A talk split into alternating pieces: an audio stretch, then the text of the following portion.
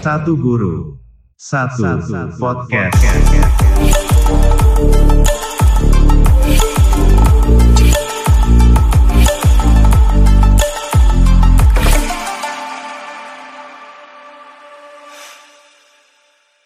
Selamat pagi, siang, dan malam para pendengar podcast Sagu Sapot Ikatan Guru Indonesia di mana pun Anda berada.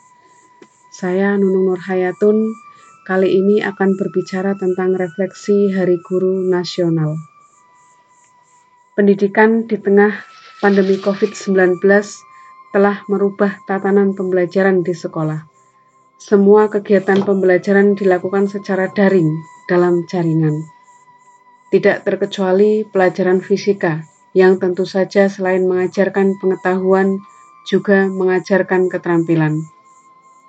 Keterampilan dalam fisika direalisasikan dalam bentuk praktikum, sedangkan praktikum di laboratorium yang biasanya dilakukan secara berkelompok untuk proses pengambilan data, di kondisi pandemi COVID-19 tidak bisa terrealisasi sehingga perlu kegiatan lain untuk mengatasi kendala tersebut.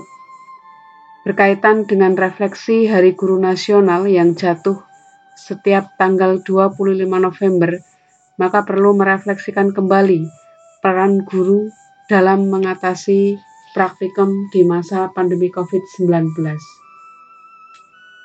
Banyak kendala yang ada dalam pembelajaran jarak jauh, dimulai dari kurangnya motivasi peserta didik sampai pada sarana dan prasarana yang dimiliki oleh peserta didik.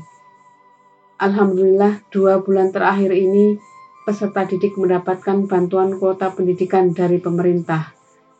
Tapi yang tidak kalah pentingnya adalah motivasi dari peserta didik.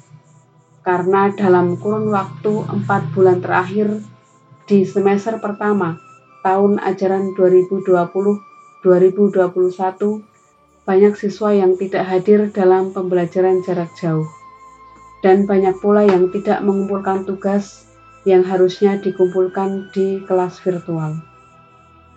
Terutama hal itu jika berkaitan dengan praktikum. Banyak siswa mengeluhkan tentang proses pengumpulan data yang memang sangat penting dalam praktikum yang nantinya digunakan untuk mengolah data, menganalisa, sampai kemudian mengambil kesimpulan. Praktikum di masa pandemi COVID-19 banyak terbantu dengan adanya beberapa simulasi praktikum maya. Salah satunya yang banyak digunakan di sekolah-sekolah adalah simulasi PET Colorado. Di PET Colorado, selain ada simulasi praktikum, juga disediakan petunjuk pelaksanaan praktikum dan juga lembar kerja peserta didik. Sebagian besar masih menggunakan bahasa Inggris, tapi ada beberapa yang sudah menggunakan bahasa Indonesia. Semoga dengan adanya simulasi praktikum maya tersebut bisa memudahkan bagi para guru MIPA khususnya dalam melaksanakan praktikum di masa pandemi COVID-19. Yang paling utama adalah semangat kita sebagai guru untuk terus mengikuti dan memperbaharui pengetahuan kita Semangat untuk guru-guru Indonesia untuk selalu belajar. Orang-orang yang berhenti belajar akan menjadi pemilik masa lalu, dan orang-orang yang masih terus belajar akan menjadi pemilik masa depan.